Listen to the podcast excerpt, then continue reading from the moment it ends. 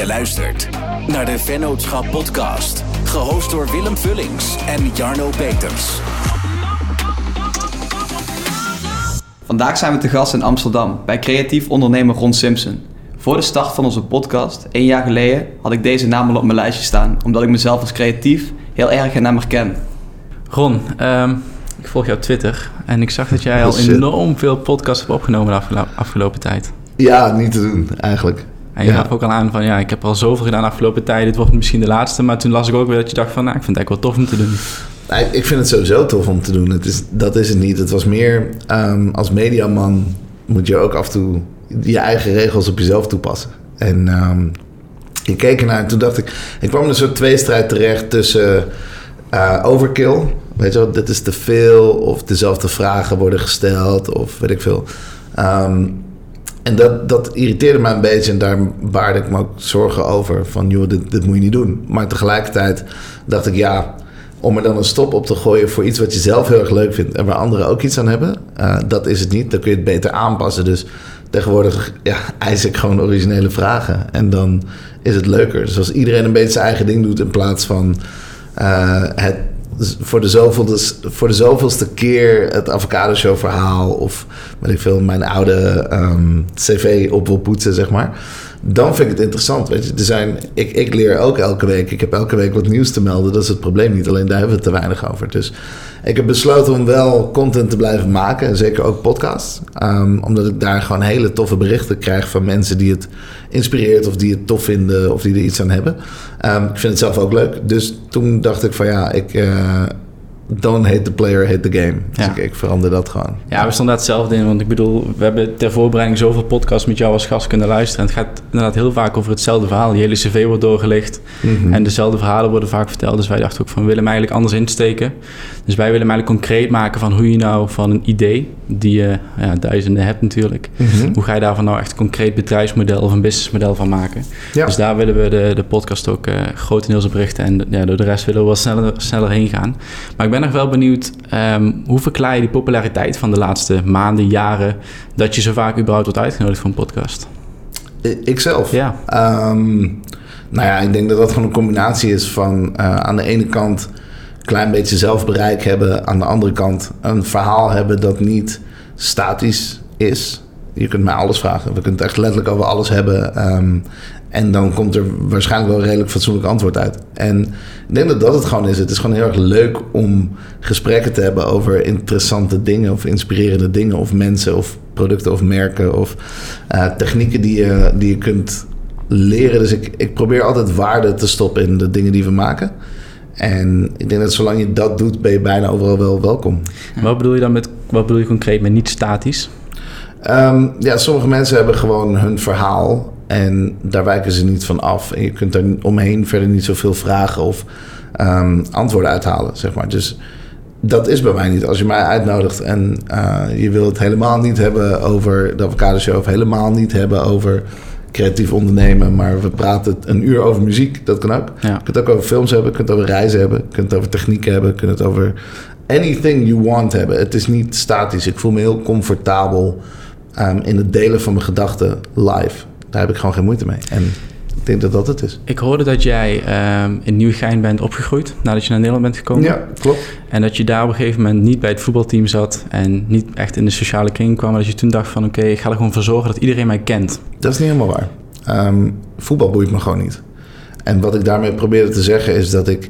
Ik zat niet in de geëikte sociale paden. Dus als je opgroeit in een dorp is het heel vaak gewoon... ga je voetballen of je Mhm. doet mee met de, met de sport die groot is daar, weet je wel. Ehm, en dan, dan haak je aan in de lokale kroeg en dan doe je allerlei van dat soort dingen. Dat deed ik niet. Ik had zeker een sociaal leven.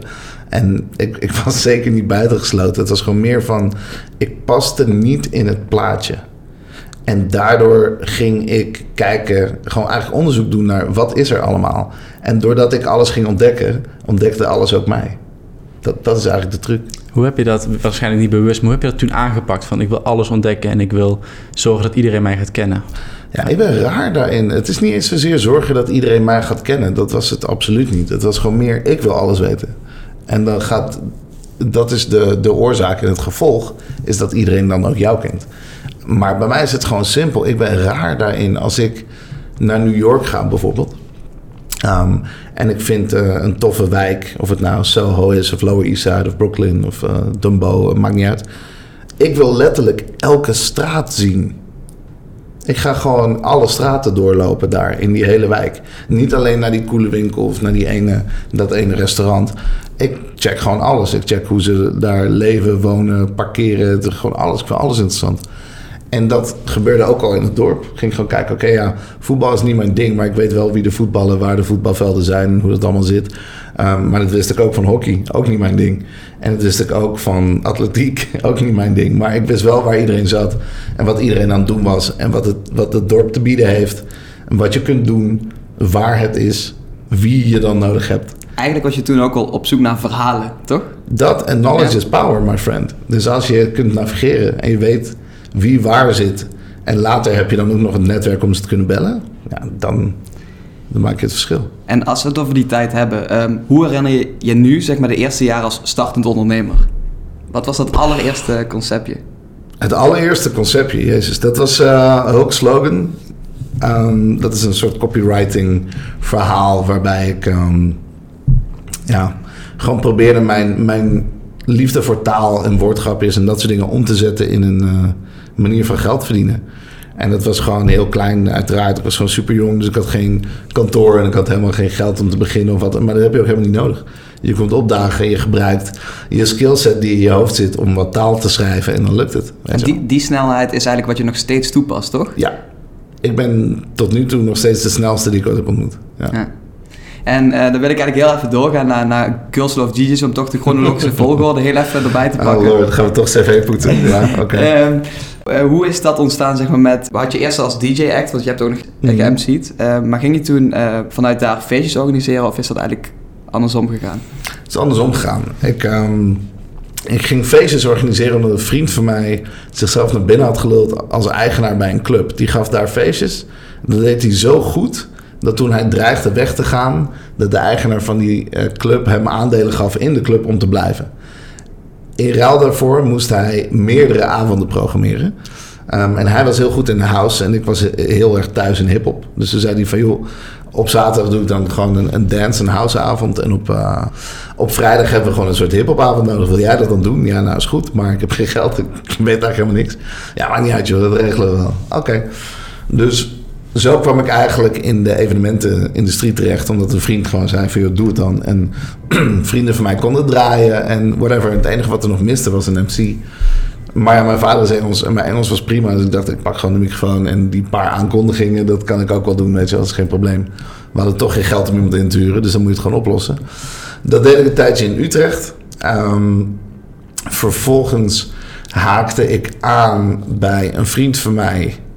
Um, ik was ooit op de videoshoot van de Party Squad, geloof ik. En daar heb ik Ruud ontmoet. Um, die werkte daar toen nog als productieassistent of zo, zoiets. Um, en Ruud werd feest DJ Ruud. En die werd dat uh, in mijn optiek officieel op Solar 2011. Waar een legendarische, legendarische set is opgenomen met uh, ons tweeën. Um, vooral hij, maar hij vroeg mij minute mee. Ik lag brak in mijn tent. Zei, wil je mijn set hosten? Ja, is goed. Ja, toen brak de pleuris uit. En um, in, a, in a very good way. Het was echt, echt misschien wel een van de hoogtepunten van mijn leven, denk ik. En uh, dat werkte gewoon heel goed. En toen ben ik eerst eigenlijk anderhalf jaar of zo... of twee jaar met Ruud gaan toeren. En toen... Ondertussen kende ik de oprichters van het evenement, uh, de Avocado, of Show, de Girls Love DJ's wel. Um, en toen zijn we daar gaan kijken. En op een gegeven moment hadden zij daar een MC nodig. Dus dat ben ik eerst gaan doen. En toen zeiden ze, waarom verpakken we dit evenement niet in een setje van anderhalf uur? En gaan we daar niet gewoon mee reizen? En toen hebben we eigenlijk Girls of DJ's de act gemaakt. Ja. ja, waarom dat ik het wel... Ik vind het toch een interessant punt. Waarom? Omdat je bent eigenlijk al sinds jongs af aan altijd omringd met, met of succesvolle mensen... of ambitieuze mensen, laat ik het zo zeggen. Mm -hmm. uh, hoe denk je dat dat kan? Of, of... Nou, soort zoekt soort, man. Dat ja. is gewoon hoe het is. Ja. Je, als je omringt met bepaalde type mensen, dan ga je dat gewoon ook doen. Weet je? En het is, het is, het was niet per se succesvolle mensen. Het was vooral ondernemende mensen. Het waren gewoon mensen die deden wat in hun opkwam. Niet wat in de facturenbank stond. Nee, oké. Okay. En, en, en wat van, van deze concepten bestaat nu nog?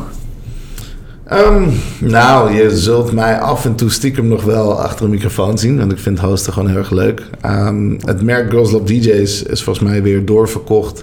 Dat heeft een vriend van mij nu in handen. Dus dat bestaat nog steeds. Wellicht gaan we dat nog een keer nieuw leven inblazen, maar dan met andere mensen. Ehm, ja, Hulk Slogan bestaat niet meer, maar dat is ook helemaal niet nodig. Omdat het gewoon onderdeel is geworden van al het andere dat ik doe. Copywriting is daar gewoon door opgeslokt. Dus dat is fijn. Maar het zit wel allemaal nog in mijn persoon. Ja. Al die onderdelen zitten in mijn, in mijn karakter. Ja. Die copywriting skills van jou, heb je die, is dat een natuurtalent, vind je zelf? Heb je dat echt ontwikkeld? Ja, nee, is autodidact. Ehm, ik ben helemaal niet zo goed in taal. Gek genoeg. Ik, ben, eh, ik heb mezelf echt met moeite de grammatica-regels een beetje bij moeten scholen. Maar ik heb wel eens een boek geschreven. Ik heb wel eigenlijk meerdere boeken geschreven. ehm, of in ieder geval aan meegeschreven. En dan zie je echt het verschil tussen mijn niveau... en als iemand daar even overheen gaat en het recht trekt. Dat is echt anders, weet je wel. Maar dat maakt niet uit. Het, het gaat om de bron. Het is niet... De regels toepassen op een stuk tekst is niet relevant. Het gaat om eh, de inspiratie voor de stuk tekst. En daar ben ik gewoon heel erg goed in. En ehm, ik vond een manier om mezelf goed genoeg te krijgen om het op te schrijven. En mijn Engels was wel echt scherp. Ehm, waardoor short copy en soort van promotionele dingen, persuasive tekst, dat lukte me altijd heel goed. Ehm, en vanuit daaruit ging ik gewoon werken. En dan zei ik altijd van joh, het gaat niet om het puntje op de i, die kan iemand anders ook zetten. Weet je, het gaat echt om het verhaal. Vind je het dan ook makkelijker om in het Engels te schrijven? Ik denk in het Engels. Altijd. Ja. Dus ja, dat is mijn, eigenlijk mijn eerste taal. Ik heb als ik, als ik, de, als ik de talen vergelijk, en ik heb net vier maanden in Amerika gezeten. Het is Mm. in het Engels veel... Je denkt veel sneller kom je tot een bepaalde kern en een bepaalde boodschap. En als je hem dan vertaalt in het Nederlands is het toch altijd wat, wat saai. We wat, hebben minder dam. woorden. Nederlands heeft minder woorden. Kijk, als het aan mij lag, spraken we allemaal Japans. Ehm, die hebben een woord voor alles. Elk gevoel, elke uitdrukking, elk moment in je leven, alles wat er potentieel hypothetisch kan gebeuren, heeft een woord. Ehm, in het Nederlands zijn we daar ongeveer het tegenovergestelde van. En is het allemaal heel erg makkelijk. Nou, makkelijk, gewoon ehm, recht toe, recht aan. En het Engels is wat dat betreft poëtischer, ook omdat er gewoon meer mensen aan mee hebben gewerkt in de loop der jaren. ehm, in verschillende landen en werelddelen is die taal gevormd. Dus ja, het, het is gewoon een, eh, een rijkdom, een verrijking van taal. Vind ik. Ja. Hey, we willen, we willen de podcast naar het, naar het uiteindelijke idee trekken. Dus we willen van idee naar een concept, naar een bedrijf. Ehm, nou, ook weer in de eerdere podcast die ik eh, van jou heb gehoord, heb ik gehoord dat je ontzettend veel ideeën hebt door de dag heen. Je slaat ze allemaal op en je hebt er eigenlijk allemaal processen en systemen voor om die te verwerken. Klopt. Kun je ons daar eens aan meenemen? Want ik denk dat we daar heel veel van kunnen leren. Ehm, ja, zeker eigenlijk. Wat ik heel erg merk is dat ehm, creativiteit kan een soort superpower zijn. Waar je nog niet mee om kunt gaan. Weet je? Ik vergelijk dat een beetje met X-Men. Ehm, als je die films kijkt, dan zie je altijd een soort van tieners of zo met superpowers. Die dat moeten leren controleren, beheersen. En dan gaan ze naar de grote X-Men school, zeg maar. En dan leer je van grote mensen hoe dat werkt. Ehm, ik had een beetje hetzelfde. Ik had gewoon te veel input. Gewoon te veel ideeën, all over the place, afgeleid, geen focus. Ehm, en het leek wel alsof alles mogelijk was en daardoor niets lukte. En toen dacht ik, oké, ik zal niet de eerste zijn die het heeft. Nee. Ehm, hoe zit dat eigenlijk? En toen ben ik gewoon gaan checken van, oké, wat is een idee waard? Nou, het antwoord is niks.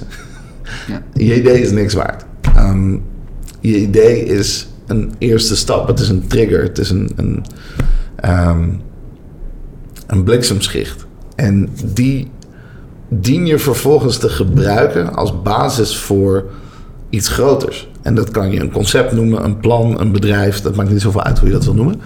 Ehm, maar wat dat is, is eigenlijk een in jouw hoofd theoretisch bewezen versie van dat idee. Het waterdichte, bulletproof versie van een idee. Dus de seconde dat ik een idee heb, probeer ik hem helemaal uit te denken. In de basis toch wat van ehm, wie, wat, waar, wanneer, waarom en hoe. Het begin. Vervolgens verdeel ik dat in een soort pitch wheel, eh, wat voor mij relevant is. En dat is eigenlijk chronologisch. Het is bijna al een, een verhaal. Daarom gebruik ik graag pitch decks als voorbeeld. omdat je daar een verhaal moet vertellen. Het zijn geen losse onderdelen meer. Het hele ding moet kloppen. Dus van je introductie tot ehm, het voorstellen van het team dat je nu hebt, maar ook bijvoorbeeld het voorstellen van het team dat je nodig hebt. Daarover na kunnen denken. Welke insights jou getriggerd hebben of welke datapunten. Is er een probleem dat we op gaan lossen? Komt er een, ehm, een oplossing uit? Wat zijn daar dan de voordelen van? Wat zijn de nadelen van het ding? Ehm, is het een product of een dienst? Hoe ziet dat eruit? Is er al branding? Heeft het een naam? Heeft het een vorm? Heeft het een kleur? Heeft het een logo? Heeft het iets? Um, want dat heeft waarde. Vervolgens ga je kijken naar doelgroepen, um, markten, tracties binnen die markt, het vermarkten, dus gewoon marketing. Uiteindelijk kom je ook uit in finance wereld waar je moet nadenken over wat is het businessmodel en de marges, wat is de P&L, wat is de forecast. Daar moet je tijd aan koppelen, hoe zit zo'n timeline in elkaar. Al die dingen bij elkaar creëren het verhaal waar jij wel of niet achter gaat staan en dat je wel of niet over kunt brengen naar een ander. En dan heeft je idee veel meer waarde. Dus dat is eigenlijk wat ik doe. Ik probeer er een verhaal van te maken en terwijl ik dat doe, probeer ik het kapot te schieten. Ik probeer, ik doe alles wat ik kan, advocaat van de duivel, om te zoeken naar de zwaktes van dit verhaal. Het is heel makkelijk om de sterke punten te vinden. Ja. Maar ik wil weten, wat zijn nou echt de zwaktes van het verhaal? En als ik die niet kan vinden, dan is het idee goedgekeurd.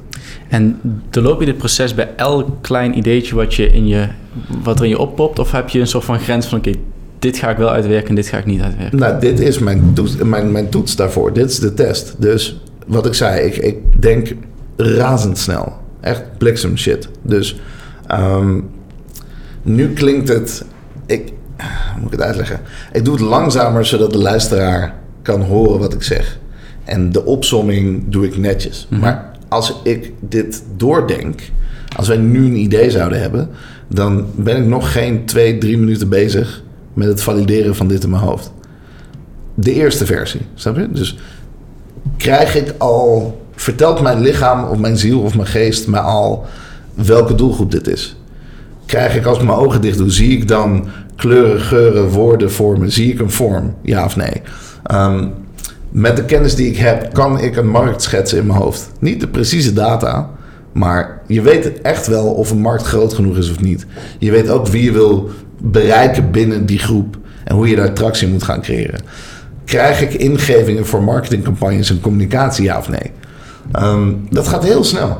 En als ik binnen die twee, drie minuten niet aan het einde van dat wiel ben gekomen, dan 9 van de 10 keer gaat het hem niet worden. En hoe lang duurt het proces van idee tot het einde van zo'n pitch deck? Dus als je die af hebt, hoe lang duurt dat? Twee tot drie maanden, mits ik het goed doe. Oké. Okay. En hoe weet je, als je meerdere goede ideeën hebt, um, hoe weet je, oké, okay, deze ga ik aandacht geven, dat je dus wel focus houdt op het mm. uitwerken van dat idee? Want uiteindelijk moet er nog heel veel gebeur, gebeuren op het moment dat het idee of het concept staat. Ja, je gaat richting MVP toch? Dus je wil eigenlijk, voor MVP zit voor mij turnkey. En dat, dat is interessant. Dus MVP is gewoon eigenlijk de minimale versie van het product waar, waarbij je gaat lanceren. Um, daarvoor heb je eigenlijk. Um, misschien zou je wel dezelfde afkorting kunnen gebruiken, bedenk me net. Dus je kunt um, minimum viable product hebben, mm-hmm. maar je kunt het natuurlijk ook minimum viable plan noemen. Waarbij je eigenlijk komt op het punt van: oké, dit is ver genoeg uitgedacht om te kunnen pitchen. Dit is ver genoeg uitgedacht om te valideren. Dit is ver genoeg uitgedacht om te kunnen investeren. Dit, weet je wel, noem het maar op. Daarna komt nog het plan van hoe gaan we het echt doen en de tijd die erin stopt en whatever. Maar je hebt, ja, je hebt ook een MVP voor concepten. En dat is waar ik naartoe leid. En dat gaat bij mij vrij snel, omdat ik de juiste vragen stel, um, kennis heb en ook de mensen met wie ik werk weten wat er verwacht wordt. Dat is heel erg fijn daar kom je dan in uit. En die archiveer ik binnen twee tot drie maanden. En het universum vertelt mij of het de juiste tijd is om plan A of plan B te gaan doen. Dat merk je gewoon. Wie kom je tegen die maand? Welke gesprekken heb je? Wat staat er in de krant? Whatever. De, law of attraction. De law of attraction, ja. Het gaat gewoon gebeuren. En op een gegeven moment, of je vergeet het. Ja. Een van de meest interessante dingen die ik altijd vind... is hoe verliefd kun je zijn op een liedje je kunt het 400 keer achter elkaar draaien. En op een gegeven moment, een paar weken later, vergeet je het automatisch. Bizar. On- dat komt door dus nieuwe prikkelingen, nieuwe input, whatever. En dan langzaamaan appt dat liedje weg. En terwijl je nog verliefd bent op dat liedje, kun je niet voorstellen dat je dat liedje ooit gaat vergeten. But it happens. Every time.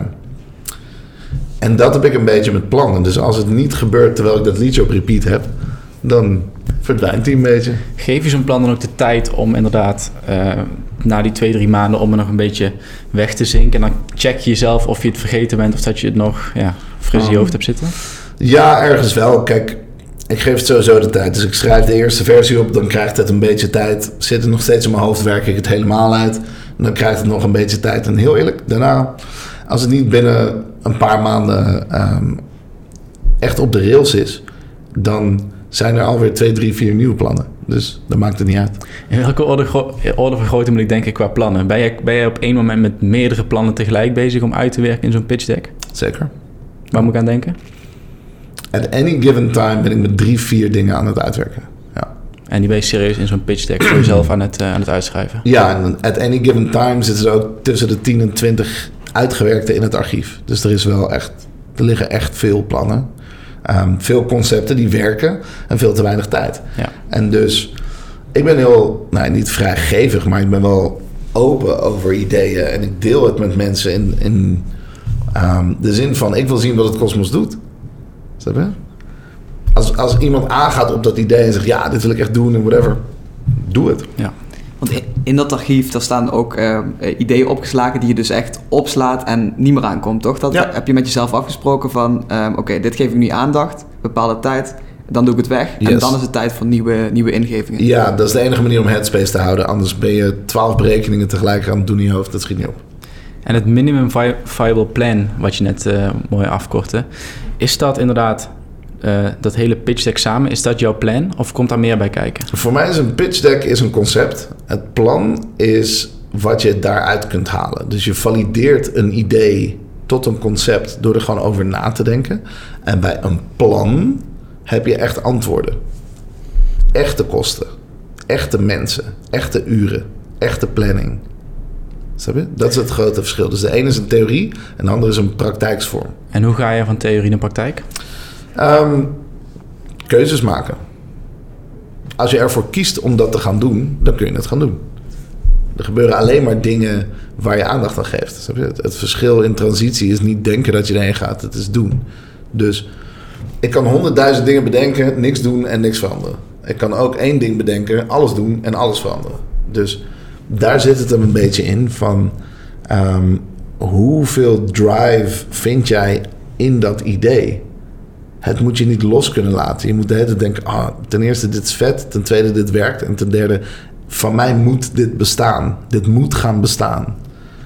Dan ga je vechten voor. Je merkt het aan mensen. Mensen die ondernemen met een ideetje die medium is, voel je, versus iemand die op een missie is, die echt op avontuur is. Dit ga ik doen. Dat voel je. Is het voor jou ook belangrijk dat je van tevoren weet of het eh, schaalbaar is of dat je het uiteindelijk kan verkopen? Of, of denk je zo niet? Ja, dat is per definitie moet dat aan boord zijn. Anders gooi ik het op een andere stapel. Dat vind ik ook prima. Uh, maar dan is het gewoon uh, passion project of charity of whatever. Ja. Oké. Okay. Um, jij hebt ooit gezegd dat je een school gaat beginnen. Ja. Kun je daar wat meer over vertellen? Je zit er al. Dit, dit is je zit in een van de klaslokalen. um, ja, dus een school... Kijk, een school is natuurlijk een beetje uh, een breed begrip of zo. Maar wij hebben een, uh, een bedrijf dat heet Skybox. En dat is een Inspiration Academy... waar je les kunt volgen um, in meer dan twintig disciplines... om naast geïnspireerd te worden ook gewoon wat te ontwikkelen. Gewoon personal development of business skills. Dat maakt niet zoveel uit. Um, en daar zijn we allerlei leuke dingen mee aan het doen. Dus dat, dat biedt aan de ene kant één op één oplossingen. Dus stel je bent een ondernemer en je bent uh, 30 plus, ik noem maar wat. Waar, waar ga je dan naar school? Hoe, dat, je, je bent er nooit uitgeleerd in het leven. Nou, hier kun je aanschuiven bij iemand die speelt in, de, in het domein waar jij ook in wil spelen. En dan kun je gewoon heel veel tijd winnen door goede gesprekken aan te gaan. We doen ook workshops. Um, en dat doen we uh, met dezelfde experts eigenlijk. Super interessant, vooral business to business. Dus dan kun je als ondernemer of als bedrijf of als team of als afdeling of als school, whatever, kun je zo'n expert boeken en die komt dan jouw groep trainen. En we gaan ook richting hele grote streams waarin we mensen echt de ruimte geven. Dus niet, de gemiddelde spreker krijgt 25, 30 minuten of zo op een podium. Ehm, en ik vroeg me altijd af, joh, als je mij 90 minuten laat lullen, ehm, dan ga je een veel beter beeld krijgen van wat je echt wil horen. Dan wanneer ik alleen dat verhaaltje moet opdreunen, zeg maar. En het, en het snel moet doen. Ehm, en dat wordt ook ja, het instapmodel. Dus het meest betaalbare, het meest volgbare model voor iedereen. Om in te haken op mensen die waanzinnige kennis gaan delen in, eh, in 90 minuten. Is dit wat jouw focus nu heeft, Skybox? Nu wel, ja. Dit samen met de Avocado Show natuurlijk. Maar de Avocado Show wordt gerund door Julien Zaal als CEO. En dat gaat echt fantastisch. En ik ondersteun dat heel erg op creativiteit en op merk. eh, en in de media en in- tijdens de uitrol. Maar in essentie eh, runt hij day-to-day alles. En heb ik daardoor wat meer tijd om hierop te focussen. Ja, En je bent enorm creatief, maar heb je wel structuur in je weken aangebracht, in je werkweken? ik moet wel. Hoe doe je dat? Dat laat ik doen. En hoe dat ziet is dat eruit? het beste wat er is. Gewoon dingen waar je niet gelukkig van wordt of waar je niet de beste in bent, kun je ook gewoon laten doen. Ehm, hoe dat eruit ziet, is dat ik heel erg mijn doelen bekend maak. Ik wil dit. Hier moeten we naartoe. Dit zit allemaal in mijn eh, vizier, op mijn radar. Ehm, someone please organize. Nou, en dat kan door middel van simpele apps zoals Monday of, of wat dan ook. Miro of eh, Miro, hoe het ook heet. Ehm, en dan een projectmanager of iemand die veel gestructureerder is aan je zijde te hebben die dat oplost. Dus jullie zitten nu in deze ruimte, maar in die ruimte hiernaast zit mijn sales team, zit ehm, de, de projectmanager van eh, Skybox die alles in goede banen leidt en plant. En die, die houdt mij er gewoon bij. Dat is precies wat het is. Zij is verantwoordelijk voor mijn output. En voor je tijd. Ja. Ik vind het wel heel gaaf om te horen dat ehm, je hoort allemaal goeroes en je, je leest heel veel dingen over eh, de wereld heeft specialisme nodig. En jij bent ergens op een bepaald gebied ook specialist, maar Mhm. toch ben je eigenlijk gewoon een generalist. Zeker. En, en Mega hoe- zelfs. Heb je een eh, advies voor de mensen die bijvoorbeeld twijfelen om een bepaalde keuze te maken, om iets aandacht te geven? Of heb je zoiets van, probeer gewoon zo lang mogelijk alles te doen en maak ja, een keuze? Het, het, het zal absoluut geen geheim zijn op de wereld. Als je een keuze maakt, ga je meer succes beleven. In welke vorm dan ook. Ja. Dat geldt voor liefde, vrienden, opleiding, werk, geld verdienen, aandacht, whatever. Anything wat duidelijk is en waar een harde keuze is gemaakt, ehm, werkt beter. Mhm. Want het is simpeler. Het is niet altijd leuker. Nee. En dus moet je jezelf afvragen: wat wil ik nou bereiken? Is dat succes? Is dat aandacht? Is dat whatever? Of is dat bijvoorbeeld plezier, ontwikkeling, whatever? Ehm, ik zou ongeveer 20 tot 25 procent van de dingen die ik doe moeten laten. Echt waar. Maar ik vind het gewoon te leuk. En dat wint op dit moment voor mij nog boven bepaalde andere vormen van succes. Ik vind het heel erg interessant om heel erg breed in te kunnen zetten. En uiteindelijk wil ik dat als superpower gebruiken. Van hey, als je alles kunt en iedereen kent, dan kun je platformen bouwen voor die specialisten. That's the trick. Dat is dat hele Oceaan Server verhaal. Ehm, en daar geloof ik gewoon heel erg in. Is dat ook het grote einddoel? Om, om- is dat het punt, stip op de horizon? Ik denk het wel, want van, van iedereen die ik spreek, de meest succesvolle mensen in welke vorm dan ook, hè, dus of in de aandachtseconomie of gewoon echt in de financiële economie, gewoon een miljardair, die kan jou ook vertellen: it's not about the money.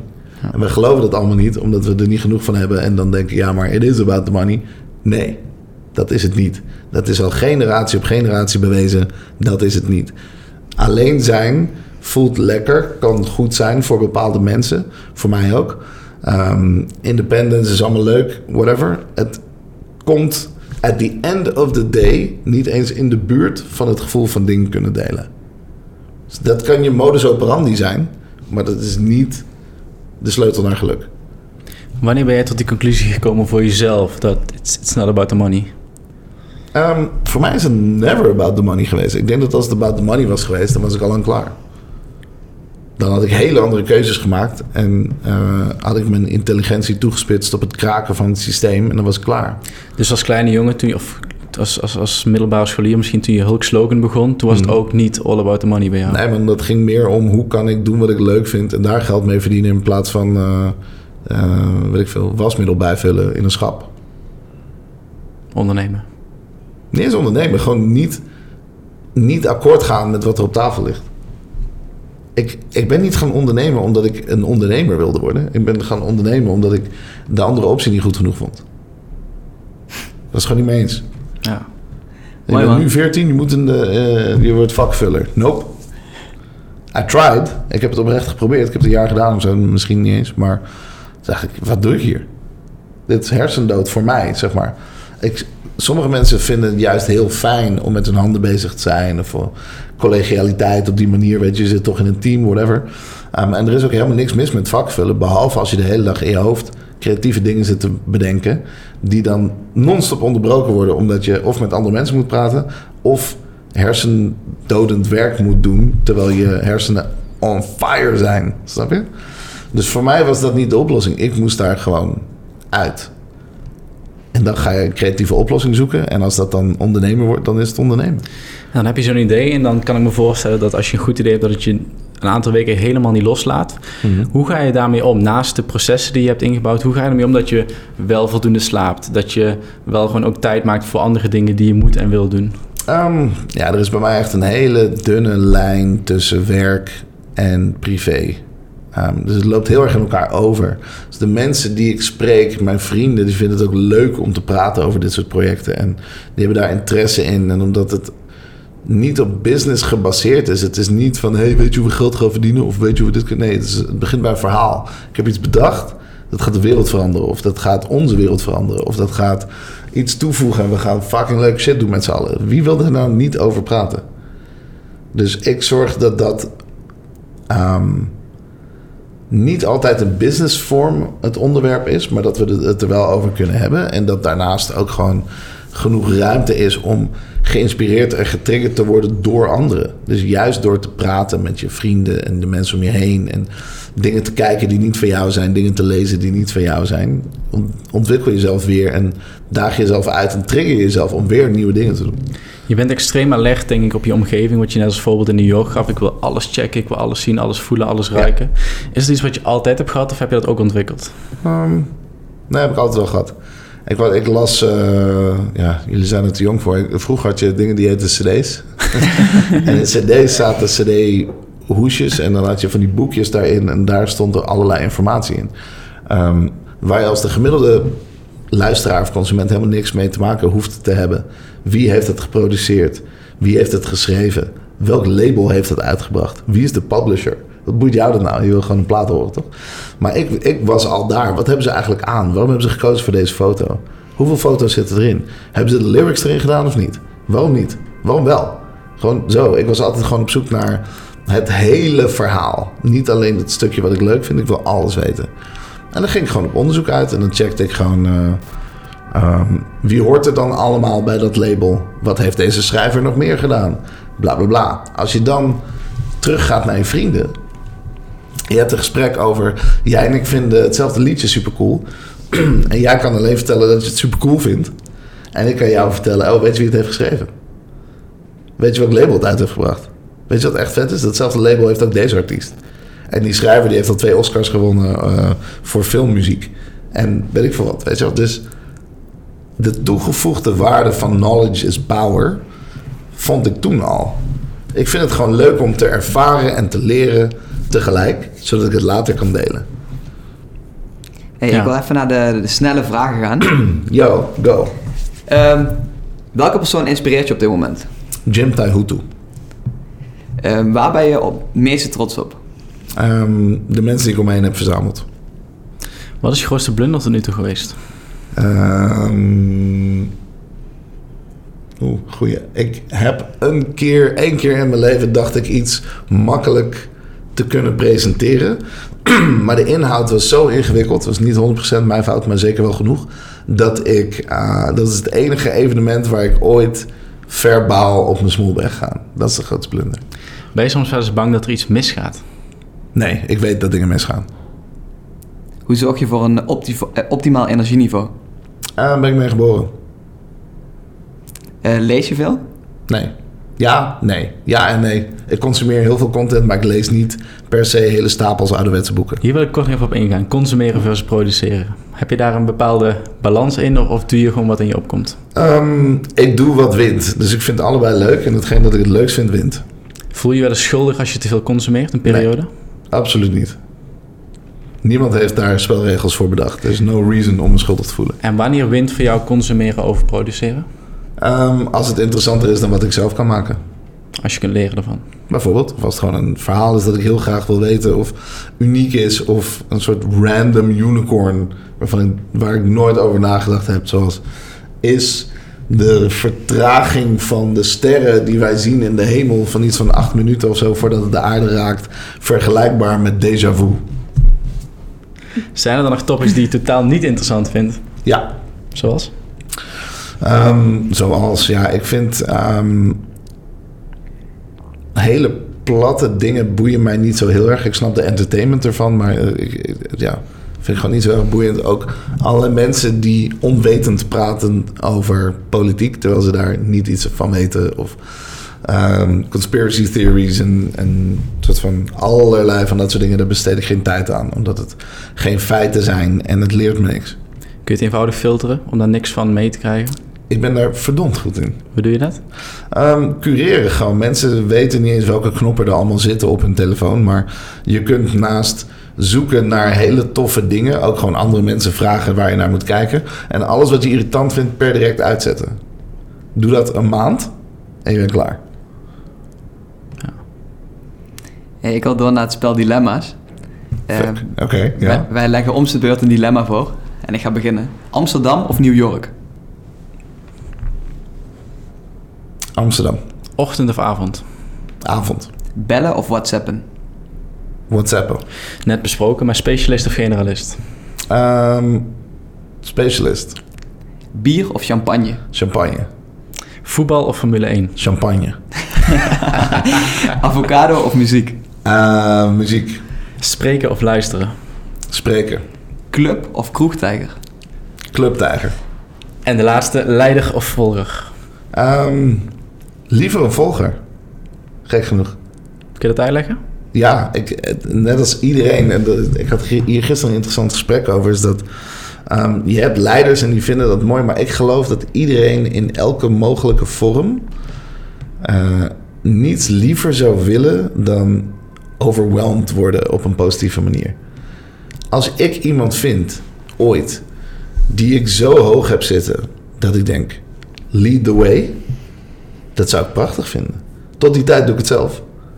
Maar ik zou niks liever willen dan dat. Ik denk dat is hetzelfde als dat je morgen verliefd kunt worden als je nog geen liefde hebt. Of dat je morgen jouw levensveranderende idee kunt krijgen als je wakker wordt. Zo heb ik ook af en toe dat ik denk, ja, misschien weet iemand alles wel beter dan ik. Of ehm, doet die mooiere, leukere dingen dan ik en kan ik aanhaken. Let's go. Ga je die Waarom persoon niet? ooit vinden? Ga je hem ooit tegenkomen? I don't care. Het mag. Het hoeft niet. Zo nee, topleven. Zo ja, topleven. Ja. Nice man. Hey, eh, we sluiten af met de volgende vraag. Wat is het vetste wat je de aankomende maand gaat doen? Dat mag ik niet delen. Dat is irritant. Ehm, ja, dat is vervelend, man. Dan, dan, heb ik Sorry. dan heb ik nog één vraag. Wat is de gouden tip voor de luisteraar? Oeh. ehm, de gouden tip voor de luisteraar is... ehm,